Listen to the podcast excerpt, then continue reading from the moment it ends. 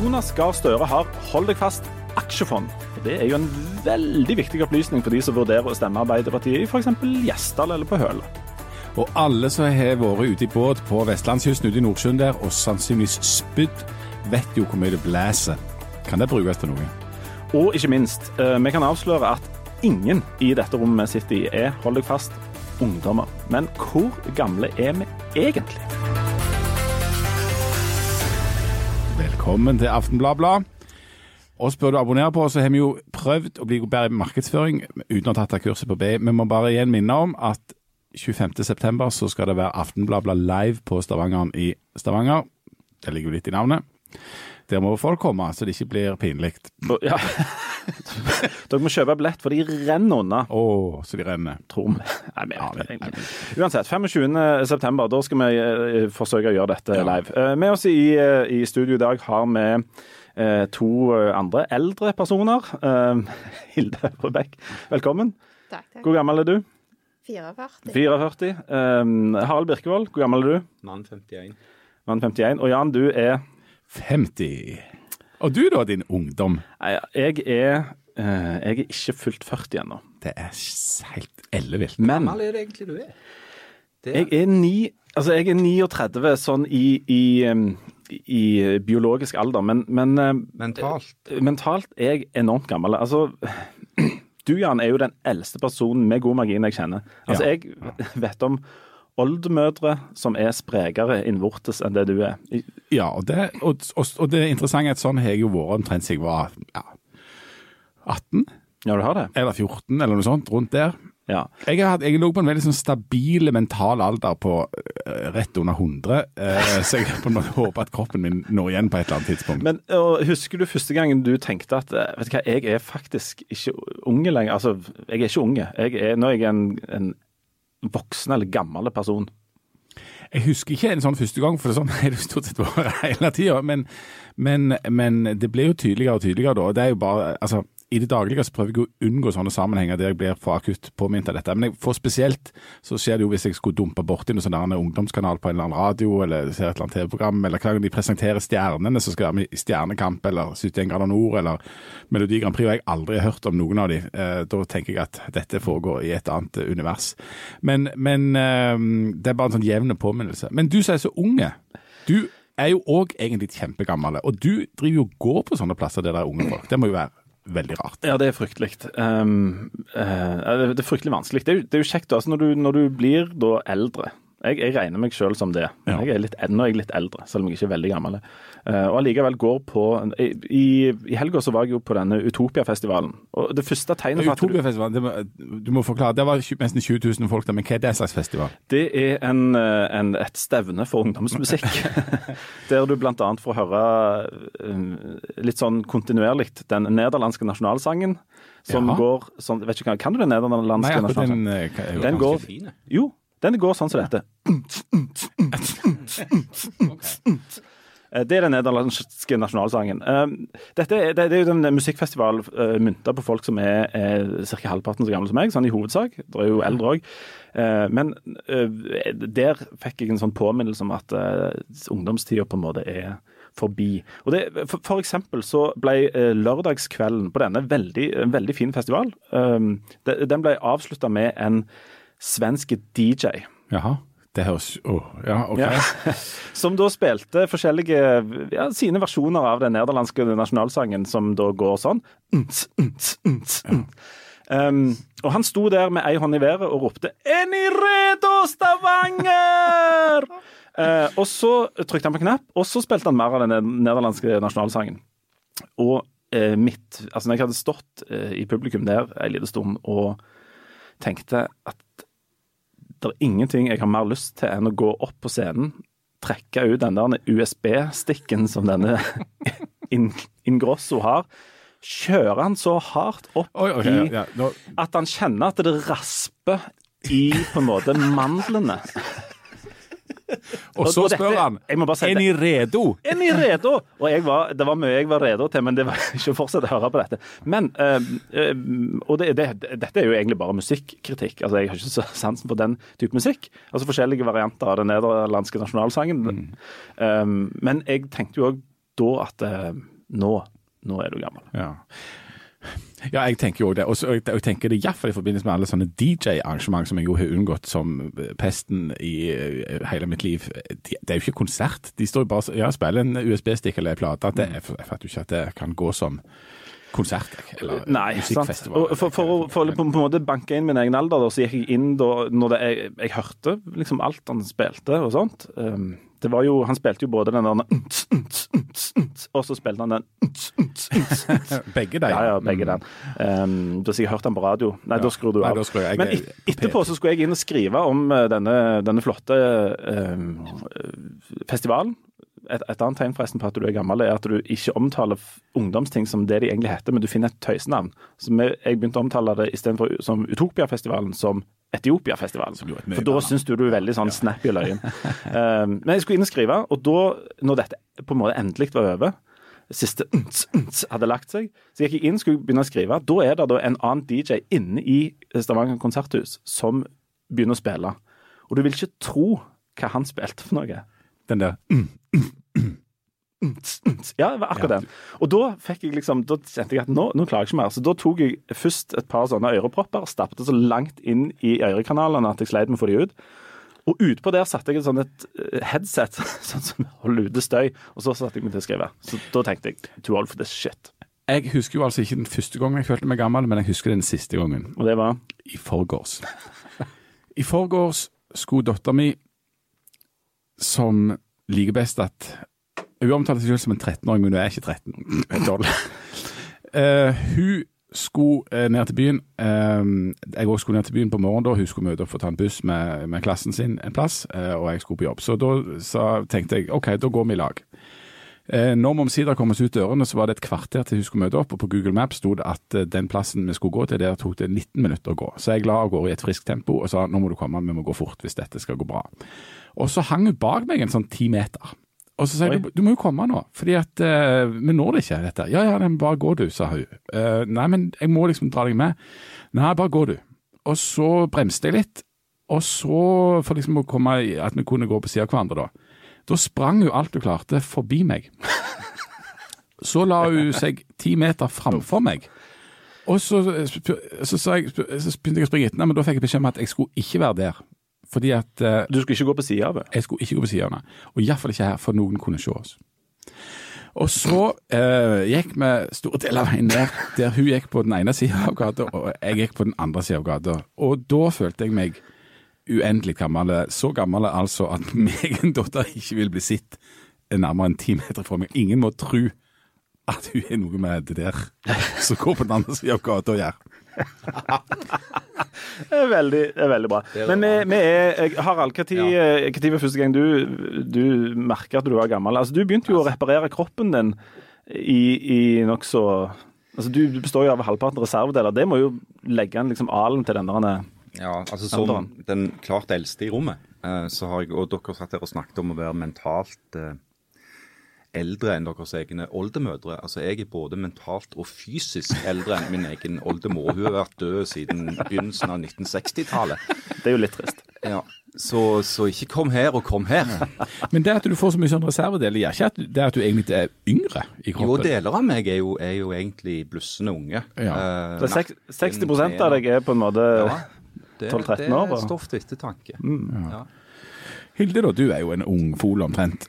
Jeg, jeg har litt motsatt, for dette, jeg tenker alltid at jeg er at jeg ikke er så gammel. Yes. Oi. Eh, Men, men så får jeg sånne oppvekninger sånn av og til. Sånn som når jeg for noen år siden skulle dekke russetreffet i Kongeparken. Oh. Eh, og så følte jeg liksom at dette var kult. Dette var ikke så lenge siden. Og så var det jo 20 år siden jeg hadde vært der, og de var jo litt yngre enn meg. Uh, og her en dag når jeg skulle lede debatten, skoledebatten på Svithun videregående, der har jeg jo gått sjøl. Så eh, for, eh, eh, for noen år siden så leda jo jeg den debatten når jeg var elev. Eh, og det tenkte jeg, ja, Det er ikke så var lenge ikke siden. så lenge Nei. siden. Og jeg var down with the kids, tenkte jeg. Åh, Men det- det, er litt, faktisk 26 down- år siden. Og når du sier 'down with the kids', da er du søren ikke noe ungdom. Nei. Det er sånn, hvis, hvis Det ikke er de der oppvekkingsgreiene så tenker jeg er jo faktisk litt gammel likevel. Og dere gjør sånn at dere snakker sånn ungdomsspråk for løye med deres egne Ja, og det er det for å verste gjøre flaue. vet. Ja. Og Det er så gøy. Ja, det er kjempegøy, men det, det er et tegn på at du er veldig gammel. For eksempel, så, når du ikke Når du nekter og jeg er sånn, jeg nekter å uttale Snapchat, så jeg skal alltid være litt sånn artig og si snap, snap, eller noe sånt. Det, da, er du så, da er du fryktelig gammel. Og så om dere, da er det jo to pappaer her og en mamma eh, i tillegg til meg. da, Men om dere pappaene har også fått beskjed om at dere har begynt å lage sånne lyder. Nem. Eh, Jeg, har, jeg får høre det hele veien. Ja. Pappalyder. Ja. Det er f.eks. når du reiser deg opp fra sofaen. Og, og når, du setter setter, deg ned når du setter deg, og lufta på en måte går ut av deg Typisk pappalyd. Og det er fryktelig, det er fryktelig greie. Også, Mamma lager ikke sånne lyder. Gjør ikke det? Nei, Nei. nei. Har Jeg ikke fått noen klager, iallfall. Jeg har bare hørt mammaen lage sånne lyder. Det kan jeg ikke gå inn på. Men Ja, ja. OK. Du, vi, vi, må, vi skal komme oss litt i, vi skal komme oss litt i hakk her. Nei, det går heller ikke an å si. For å komme oss fra, fra det ene til det andre, så spiller vi nå litt av den nederlandske nasjonalsangen. Jonas OK. Um, vi, vi, vi skal over til politikkens vidunderlige verden. Um, vi, la oss begynne med Jonas Gahr Støre og, hans, um, og det som plutselig dukket opp med han. Dette er jo veldig interessant hvis du vurderer å stemme Arbeiderpartiet, f.eks. i Stavanger, eller på Ålgård eller på Høle. Ikke minst i Rogaland fylkeskommune. Ikke minst. Um, en liten kort La meg kort oppsummere uh, hva som har skjedd. Jonas Gahr Støre har aksjefond. Ja, nei, dette er jo, som alle forstår, er enormt alvorlig. Eh, Det har til og med vist seg at eh, dette aksjefondet har investert penger i selskaper. Som har investert penger i selskaper som, kan ei, som eier bitte litt av eh, altså privat Og som kan gå i pluss. Jeg har òg hørt, jeg har ikke fått det bekrefta ennå, men jeg har hørt at Jonas Gahr Støre òg har penger i banken. Oi. Oi. Og som vi vet, så låner banker ut penger til all slags folk. En del av de folka de låner penger ut til, er jo kriminelle, f.eks. Så han er jo med å støtte kriminell virksomhet. Det såpass, ja. Ja, over hele landet. Men dette har altså så blitt det er en ja. veldig, veldig alvorlig sak. Nei, det er det ikke. Nei, men, men det har jo blitt ei sak, da. Igjen. Ja. Noe trøbbel med Jonas Gahr Støre, som er formuende. At han har da altså penger på en plass som kan knyttes til retorikken i Arbeiderpartiet, og at eh, liksom, da går det ikke opp. Ja, og jeg, jeg så en forsøksvis analyse i, som ble skrevet i, går av han Skjalg Fjellheim, som er, som er politisk redaktør i Nordlys. Og en, eh, etter min mening en veldig flink eh, samfunnsdebattant. Så jeg Det er klart at det er et problem for Arbeiderpartiet at de har en eh, leder som er formuende. Altså Jonas Gahr Støre har jo arva en stor formue fordi at hans familie har vært eh, industrieiere i generasjoner. Eh, og jeg, jeg kan jo tenke meg at når denne saken kommer opp, selv om dette er en fillesak på alle mulige måter, så har dette vært sikkert gått et sånt sukk gjennom deler av Arbeiderpartiet, som allerede i denne valgkampen sliter med litt dårlige målinger. Åh, nå kommer dette igjen. Altså, Kunne vi ikke bare hatt en vanlig mann eller dame som partileder som sluppet dette her maset? Og du kan sikkert òg si at det lureste Støre kunne gjort, det var jo bare også satt alle pengene sine på en sånn sparekonto eller i norske statsobligasjoner eller et eller annet sånt, så lenge han hadde det vervet. Men vi må liksom ta et lite skritt tilbake og se hva snakker vi om her? Altså, Han har plassert eh, deler av formuen sin i forskjellige fond. Og disse fondene de holder på med sitt, investerer i selskaper de tror de kan tjene penger på, sånn som fond gjør. Eh, og så har bitte, bitte litt av den plasseringen blitt plassert i et selskap som eier noen eh, private sykehus og sykehjem og sånn. Men hvorfor, men, men hvorfor blir dette en stor sak? Hvorfor blir det hovedoppslag på Dagsrevyen, som for øvrig ingen under 40 ser? Eh, Det er jo som det, det er jo for det jeg sa. Altså, Jonas Gahr Støre er i utgangspunktet suspekt på en måte fordi at han er en formuende person. Særlig når han har det vervet han har. Og så har de jo funnet den linken da, ikke sant, med at Arbeiderpartiet har kjørt en valgkamp, òg her lokalt, eh, som går på at de er motstandere av profitt eh, i helsevesenet. Eh, og da ser det ut som en type dobbeltmoral, da? Ikke, sant? Ikke sammenheng mellom liv og lære. Nei, ikke sant. Se det, ja. Akkurat, Sier noe, ja. gjør noe annet. sier noe, I gjør noe annet. Han har jo tidligere Støre òg vært i trøbbel pga. Eh, andre disposisjoner han har foretatt sånn privatøkonomisk. Ja. Det viser seg at han hadde leid inn et firma som visstnok ikke hadde alt på det tørre når han skulle gjøre noen arbeider på hytta si. Eh, sånn, sånn, disse tingene kommer opp fordi han er den han er. Jeg er helt enig med Harald, men jeg, jeg, jeg mener jo òg at dette er på en måte litt symptom for denne her valgkampen. Fordi at det har vært altfor mye eh, som handla om rikspolitikk og rikspolitikere og, og bompenger og de store sakene som egentlig hadde hørt hjemme i et eh, valg på statsminister eller eh, storting. Og, og du, det er enda en sak dette som tar vekk fra de lokale diskusjonen rundt de lokale sakene. For et lokalvalg er helt annerledes enn det er å stemme på et storting. Men hvorfor, hvorfor blir det sånn, da? Er, er dette pga. at TV 2 og NRK og Aftenposten og VG og Dagbladet ikke dri, kan drive med lokal altså dekke lokalpolitikk? Er det, er det det som er årsaken til at, vi, at det er Erna og Støre og disse tingene som dominerer den valgkampen? Spør du meg, Ja. så, så tror jeg at det, det er klart det er en viss sånn uh, myopi, som det heter, altså nærsynthet, uh, hos en del av redaksjonene som holder til i Oslo. Uh, vanetenking, kan du si. At, men samtidig så er det noe så- sånn òg at altså, i en lokalvalgkamp som dette her vi har nå, så fungerer jo partilederne, partiledelsen, de fungerer på en måte som oppmerksomhetsskapere. Eh, Jeg tror nok de gjør dette her ganske bevisst òg. For det at eh, når, når eh, Senterpartiet f.eks. nå har veldig gode målinger og ligger an til å gjøre et veldig bra valg i store deler av landet, så reiser jo Trygve Slagsvold Vedum frenetisk land og strand rundt for å også vise seg å kaste glans og hjelpe. Det samme så du jo nå når, når Erna Solberg hadde kommet med dette her nokså skal vi si, kompliserte kompromisset sitt som hun la fram forrige fredag for å få ro i bompengesaken. Ja, for da la jo den saken dø. Ja, Men det første som skjer da, er jo selvfølgelig at Siv Jensen eh, hiver seg på første fly til Sandnes. Og plutselig kan reise rundt igjen. og kan reise rundt igjen og si at nå har vi vunnet denne saken. Eh, Det samme gjorde jo selvfølgelig Trine Skei Grande i Venstre. Ja, hun vant òg. Ja, hun vant òg. Det, det var en fantastisk løsning Erna kom fram til der. Så viser det seg at det gikk an å bare kjøre så mye bil du vil, samtidig som at klimaet blir eh, bare bedre og bedre. Det er Men- helt fantastisk. Det er veldig utrolig. Det er helt utrolig. Det er salomonisk. Ingen trodde det gikk an, men hun klarte det. Ok, men dette her, Denne saken blir eh, på en måte eh, Av de som, som mener at det, denne Støre-saken er viktig på et vis, så er, jo det, Som du sa, Jan, dette her handler om liv og lære. Hvor mye kan vi forvente at politikerne lever på en måte 100% etter dette? Kan en eh, Miljøpartiet De Grønne politiker kjøre eh, bil? Kan en eh, politiker i Senterpartiet ta seg jobb i sentrale strøk? Kan en eh, KrF-politiker ha unger i barnehagen? Kan en Frp-politiker være avholdsmann? Ja, men altså, du, du, jeg, når du, Leif Tore, du lagde jo, eller har jo lagd denne her serien hvor du kjører rundt i bil sammen med forskjellige politikere. Og den første som var ute, var jo Mimir Kristiansson fra Rødt. Ja. Ja. Og han, han sier jo for spøk, da, men jeg tror det er bare sånn halvveis for spøk, at han skulle jo egentlig hatt en dekkleilighet, en liten dekkleilighet i, i Hillevåg eller en eller annen plass eh, hvor det var litt sånn Istedenfor en villa på Stokka som han har arva. den digre villaen på Stokka som han har arva.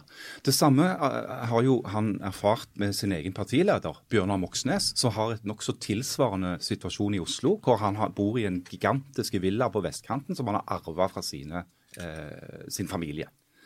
Sant? Og det er klart at det, det er veldig lett å, å, å på en måte føle at du har tatt en politiker hvis du kan ta dem i at de har ikke et totalt samsvar med, mellom sin egen private situasjon og det de står for politisk. Men, men det er jo egentlig helt på trynet mange måter.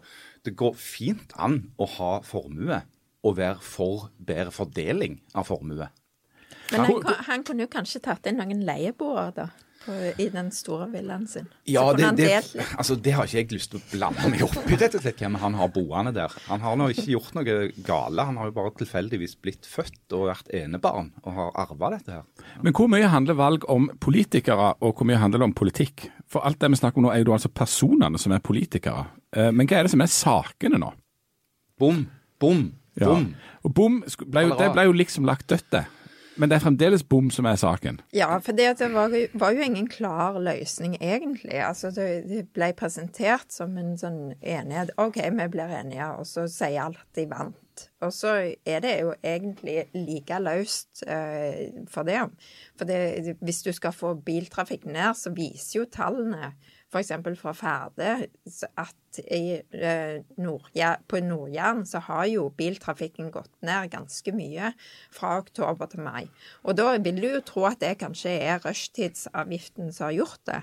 Eh, men så hvis du da, eh, som Birek påstår, at, at den blir fjerna uansett, så tror jeg nok at du vil se litt sånne endringer i trafikkmønsteret. Da kan det være noen som tenker at ja, ja, men jeg gidder ikke ta bussen i dag, for det koster ikke så mye penger. Og det er jo det med at skal du nå begge de to målene, mindre biltrafikk og eh, alt det andre, eh, så henger det ikke helt i sammen. Nei, så er det sånn at bommesaken eh, har jo på en måte hindra andre saker å komme fram. Eh, fordi at den tar så mye av eh, plassen. Eh, Arbeiderpartiet for eksempel, har jo, som er jo det fremste opposisjonspartiet i Stavanger, har jo prøvd å kjøre en valgkamp som skal handle om økt ulikhet. Mm. Barnefattigdom. Om det de har kalt en krise i Stavanger-skolen. Eh, Rødt har, og MDG har jo kjørt på en kampanje mot cruisetrafikken. Eh, så det, er jo andre ting som skjer òg. Men hver gang bomsaken kommer opp igjen, for den, den, er liksom, den nekter på en måte å daue, den saken. Hver gang du tror det har roa seg, så blusser det opp igjen. Eh, den, den på en måte fortrenger eh, mye av dette. Det spiser opp oksygenet på en måte som en brann. Men er det åpenbart hva hva de ulike partiene egentlig mener om det nå? For de har jo meint litt forskjellig, har jeg inntrykk av. Det er, I stor grad så har jo dette vært politikk som har blitt lagt i stort hastverk, og nesten i en form for panikk når det gikk opp for de folkevalgte på Nord-Jæren at denne bompengemotstanden var kraftigere enn de hadde trodd. At den var mer langvarig enn de hadde trodd. Det førte til at det begynte å bli gjort vedtak rundt forbi som tyder på at oi, Hermels, dette har kanskje gått litt langt, ja. Sånn. Og når den snøballen begynner å rulle, så hiver flere og flere seg på. For de tenker det er valg i høst, dette kan avgjøre ting. Du ser for øvrig det samme nå eh, når det gjelder debatten om vindkraft på land. Hvor kommuner som sa ja til dette i, nærmest i prinsippet for kanskje ti år siden, eh, den gangen var det ikke verken teknologisk eller økonomisk mulig å bygge så store vindparker. Eh, det har det nå blitt, og nå kommer det utlendinger og bygger vindparker som de har sagt ja til for ti år siden. Eh, mange av de som sa ja til dette her for ti år siden, siden er kanskje ikke engang i politikken lenger. Og så kommer motstanden nå. Ja, og vind- det, det er jo egentlig for seint. Ja, vind, ja, og- vind skal vi komme tilbake til. Men altså den store, liksom, eh, det som gjør har snudd ned på, opp ned på det meste i eh, norsk politikk nå, er jo dette FNB. Vi har jo ikke hatt eh, meningsmålinger i Aftenbladet. Dette spilles Det inn på torsdag, snart. men det kommer nå i løpet av helga og neste uke. Så kommer det altså meningsmålinger fra Rogaland. Men det kom en i eh, Oslo i går, og den viser altså at FNB, altså Folkeaksjonen Nei til mer bompenger i Oslo, er omtrent halvert målt mot forrige måling. Altså de raser. Kan det ha noe med at de presser er masse rot der borte, nå er to stykker av de, og så viser det en voldsom framgang for MDG, som nå er omtrent like stor som Arbeiderpartiet. Ja. Kan vi vente og se de tilsvarende ting her? Tror du at eh, FNB går ned? Eh, det er mulig at nedsida til FNB eh, er større enn oppsida, i alle fall. Eh, men samtidig så tror jeg det er litt farlig å sammenligne med Oslo, som er en veld, et veldig spesielt sted etter hvert. Altså SV Det, er, også, er det er veldig usentralt i Oslo. det er veldig Ja, det usentralt, veldig og usentralt, de er veldig rare der borte. Det, De har den eneste ordføreren i Norge fra SV. Ja. der er MDG og Rødt til sammen eh, større enn Arbeiderpartiet. Eh, Frem, Fremskrittspartiet er et miniparti. Eh, så så det, det er litt spesielt, det der.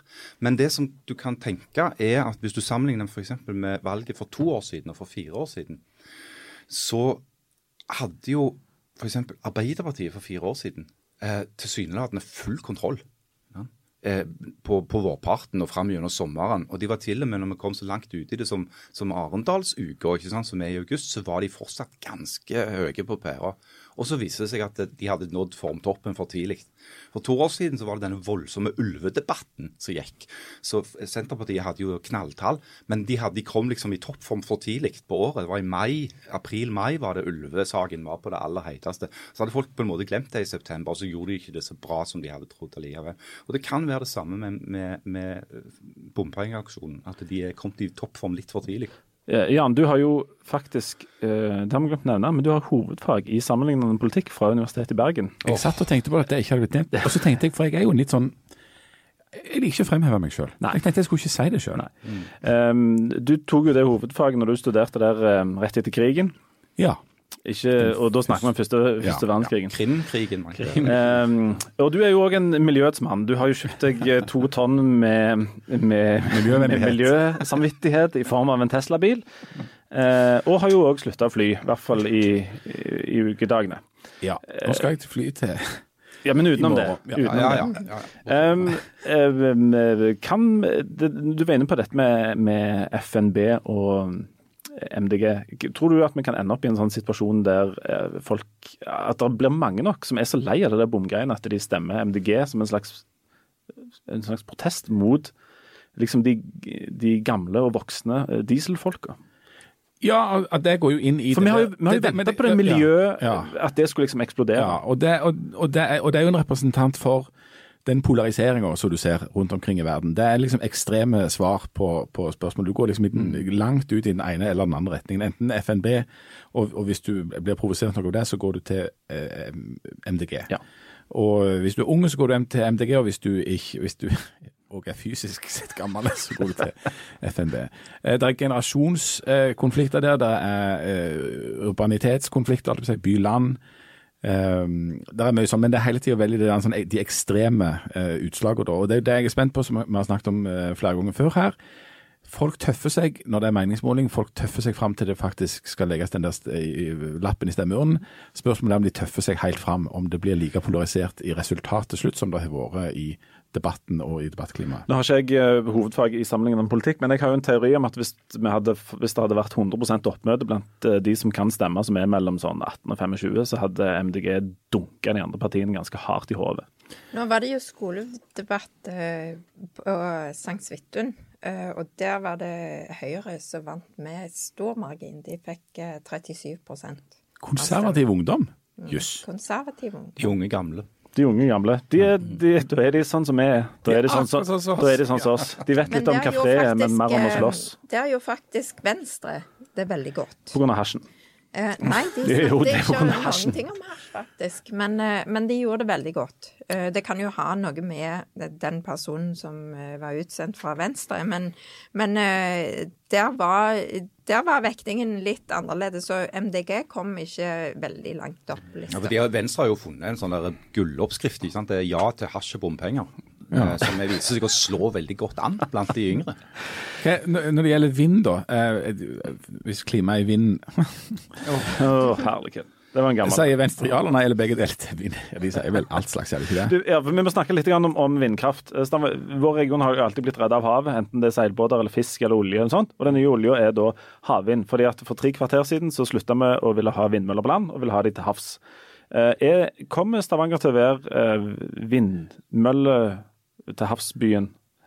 Det var utrolig dårlig formulert. Det. Men kommer dette til å bli the the next big thing? Nei, nei, det kommer ikke til å bli den nye olja. For det er ikke nok lønnsomhet i det, og du, du kan ikke tjene nok penger på det. Men det kommer til å være Vi, kan, vi finner ikke én ting som kommer til å være den nye olja. Vi må finne mange, mange ting. Og det som industrien sier sjøl, og um, Aker Solutions er, for eksempel, er veldig engasjert i dette i andre land. Eh, De har teknologien, de har altså de har bygd opp gjennom oljeindustrien og den erfaringen der. Eh, Det som mangler her i Norge, er et hjemmemarked. Altså, altså at de kan teste det ut på norsk sokkel eh, og få det til her, sånn at de kan selge det ut til andre land. Og da kan, hvis de får til det, så kan det bli en stor eksportvare. Ja, altså, jeg har sett at de, altså Det som har skjedd nå, er jo at f.eks. Equinor har fått den nette sum av jeg har skrevet dette ned, 2 milliarder 329 800 000 kroner i en slags form for statlige subsidier, vel, for å bygge ut Ja. en vindmøllepark til havs. som skal gi strøm til noen oljeplattformer. Som er litt sånn buss for tog, eller tog jo, eller, jo, jo du, kan si det, du kan si det på den måten. Og de, de gjorde jo narr av det i eh, Financial Times og i alt det nå skal liksom eh, fornybar uh, gjøre at vi får opp mer olje og sånn. Men eh, på den annen side så er det på en måte et slags testsenter. Fungerer dette? Vi har en plass hvor vi kan teste det ut. De trenger strøm på den plattformen. Eh, og de kan bygge ut i liten skala og, og, se om dette virkelig fungerer. Og så går det jo an å ta det videre etterpå. Eh, for nå har de holdt på å teste det forskjellige steder. De har testa i Skottland, i en stor vindpark der. Og hvis de da får testa det òg på norsk sokkel, så blir jo det enda en mulighet til å se om dette fungerer, og hvordan det fungerer. Ja, men hva vi ikke vet om hvordan det fungerer? Du setter på en vindmølle, og så blåser det. Ja, men dette er flytende vind. Ja. Så det, forskjellen er jo at eh, de bunnfaste, altså de som står fast i bunnen, de, de er jo nesten som de på land, bare at de står litt nede i havet. Eh, mens på dypt vann, som det er veldig mye av på norsk sokkel, så kanskje du eh, du kan ikke ha bunnfaste. Kan ikke feste det. Nei, Nei. det blir for langt ned. Um, og da, da er det jo om, om de klarer å få det til å fungere. Er det lønnsomt? Eh, Klarer de å få nok penger ut av det? Eh, Klarer de å få til at alt, alt dette fungerer sammen? Jeg, jeg syns det høres fornuftig ut. Altså, det, det, jeg ser ikke at det er noe galt i at staten bidrar eh, til et sånt prøveprosjekt. Fordi at det er jo eh, næringspolitikk, det er industripolitikk. Så jeg syns det, det må være bra eh, at en prøver, i, som, som Hilde sier, sånn småskala. Så hvis dette fungerer, at det går an å få det opp i industriell skala, så, så er jo det ingenting som er bedre enn det. Men det, det som industrien og Rederiforbundet og, og alle sier, at eh, det er ikke nok eh, å bare gi den støtten gjennom Enova. Eh, det holder ikke. De må, de må faktisk lyse ut. Nå har de lyst ut en del eh, områder på norsk sokkel som skal åpne. Det skal være en havvindkonferanse, et toppmøte i Bergen senere. Men, eh, men de må få litt fortgang på det og, og få det til å bli litt større enn bare eh, noen få vindmøller på norsk sokkel, for at de skal få et sånn et marked, og for at eh, de bedriftene som i dag lever av olje og gass, kan bruke det som de har lært, til å videreføre det. Ja, for Kan dette være redninga for oljebransjen, for Stavanger, for Norge? Fordi at En kan diskutere når olja tar slutt, men hun tar slutt til slutt. Kan dette være redningen vår? Eh, det kan være en del av redningen, men, men dette er en industri som vokser så fort nå på internasjonal basis at eh, hvis vi ikke henger med, så går vi glipp av en stor mulighet. Men det er, er det vi- vi risikerer. er, men er vi, er vi liksom med i Er vi på framfoten der? Er vi med liksom i, i eh, framme i sykkelfeltet på, det, på dette området, eller er det noen andre land som på en måte har, ligger langt foran oss? Det er andre land som ligger foran, men, er, men vi er med enn så lenge. Men det er det de sier i industrien, at vi er nødt til å satse på det sjøl. Men norske myndigheter er nødt til å gjøre noe nå for at vi skal kunne være med videre. men dere er jo så gamle at dere husker jo når oljen eh, kom. Um, ikke sant? Dere var vel i 40-åra da, tenker jeg. noe sånt. Men er det ikke, er det ikke noe Jeg sier ikke at dette er den nye oljen, men er det ikke noe av det, dette som minner litt om på en måte når olja kom her til? At, nå, at det er om å gjøre på en måte gripe muligheten med, med begge armene og hive seg over det? Nei, altså, Det er en, en vesensforskjell eh, på vind og olje. Det er at olje er en eh, begrensa ressurs som vi av eh, geologiske årsaker eh, har mye av. Det var en slags flaks sant? at Norge på, ligger på et sted på planeten hvor det er olje. Eh, det er veldig få land som har store sånne oljeressurser, og det var en mulighet som Norge fikk en gang. De andre ressursene som Norge har levd opp av opp gjennom tidene, er jo såkalt fornybare. Det er fisk, det er tømmer, det er de tingene vi har henta opp av havet. Eh, vind er jo på en måte en sånn felle, altså noe de har over hele verden. Men det som er med vind, eh, For å få vindkraftverk til å fungere optimalt, så må det verken være for lite eller for mye vind. Det må være akkurat passe.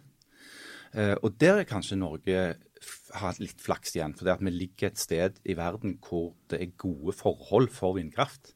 Det vet jo alle som bor i Stavanger, at det blåser en god del her. Ja, også, Men det er sjelden det blåser orkan.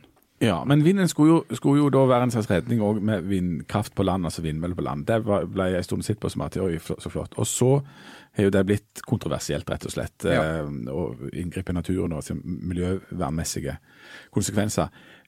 Er det ikke sånne ting for havvind? Eh, jo, da, altså det, det vil alltid være det. Det vil alltid være hvis du gjør noe i et område hvor, hvor du ikke har gjort noe tidligere, så vil det alltid være noen som protesterer. Men, men altså, de, de vil jo være mindre synlige ute i havet.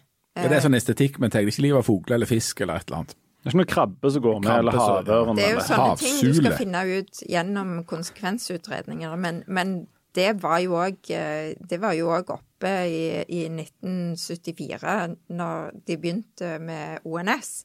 Eh, Da var det jo en alternativ ONS må du forklare hva det er for Ja, det, det er den oljemessa Ja. i Stavanger. Eh, Så begynte i 1974 første gang. Da var det en alternativ messe rett over veien. Eh, og den, eh, den handler om fisk og olje. Og hvordan fiske i Nordsjøen kom til å bli ødelagt av oljeindustrien. Det har vist seg at eh, det ikke har vært tilfellet. Eh, så det er mye sånne, sånne konflikter som vil alltid være. Og det vil, alltid være et eller annet så som du må finne ut av før du setter i gang med det. Eh, men du må jo finne ut av det før, før du kan bestemme deg for om du skal gjøre det eller ei. Ja, så tenker jeg også at Den debatten eh, som handler om at, eh, altså inngrep eh, som vi ikke vil ha, eh, den forteller òg litt om hvor langt dette samfunnet vårt nå, eh, ikke bare i Norge, men kanskje i hele den såkalte Vesten, har fjerna seg fra realitetene når det gjelder industri. For det at vi har flytta veldig mye av den skjedende, forurensende, farlige industrien til land hvor folk har dårligere lønn enn vi har her. Derfor så ser man ikke lenger. Det betyr ikke at han ikke er der. Eh, Det er alltid eh, store omkostninger for miljøet eh, når en lager industri i stor skala. Om det er snakk om gruver eller kraftlinjer eller stålverk eller hva det nå er for noe. Men uten de fabrikkene så hadde ikke vi hatt den velstanden vi har. Det er nokså viktig å tenke på. Og, og, si at du ikke vil ha et inngrep bare fordi at eh, du syns alt skal være sånn som det alltid har vært, det er ikke holdbart. For konsekvensen er bare at noen andre gjør det. Kanskje i et land med enda dårligere miljøstandarder, med enda dårligere arbeidsmiljø, enda dårligere sikkerhet. Men, men eh, la meg stille det spørsmålet som jeg tror alle da lurer på. Hvis dere måtte velge f.eks. i hagen eller på hytta, ville dere hatt ei vindmølle på størrelse mm, Altså en, en Jonas Gahr Støre på størrelse med ei vindmølle i hagen, eller ville dere hatt 100 vindmøller i størrelse med Jonas Gahr Støre, hvis dere måtte velge? Altså ei, én Jonas Gahr Støre i vindmøllestørrelse. En 200 meter høy Jonas Gahr Støre. Ja, Ja. eller 100 vindmøller i Jonas Gahr størrelse. Han er vel rundt størrelse. 1,80. Ja. Jeg ville hatt den store, eh, for da kunne jeg tatt inngangspenger. Og, Som et slags signalbygg. ja, da kunne det blitt en Det kunne faktisk blitt den nye olja. Ja. Jeg, jeg har ment at det er no-brainer. Det er jo han store. Han, men det hadde, han hadde sikkert blitt litt noe kostbar i maten. Men kunne, han kunne betalt for det sjøl. Han kunne betalt for det sjøl. med, jo med, med fortjenesten fra disse her, eh, disse her eh, private helseforetakene han eier. Han investerer investere i lurt, altså med maksimal avkastning. Da eh, kan vi bare annonsere det at eh, i løpet av ganske kort tid så kommer Harald Birkevold på hytta i Suldal til å ha én Jonas Gahr Støre-figur i størrelse med for vindmølle. Jonasland. Det er nydelig. Du, Vi må gi oss med minne om 25.9. i Stavangeren. Og som avslutning på denne podden så vil dere nå få eh, en, eh, en musik et musikalsk samarbeidsprosjekt som muligens også kommer på Majas neste år. Det er altså at eh, vi spiller den nederlandske nasjonalsangen mens Harald Birkevold lager sånne gamlislyder opp og ned av sofaen. Da snakkes vi neste gang. Er redo?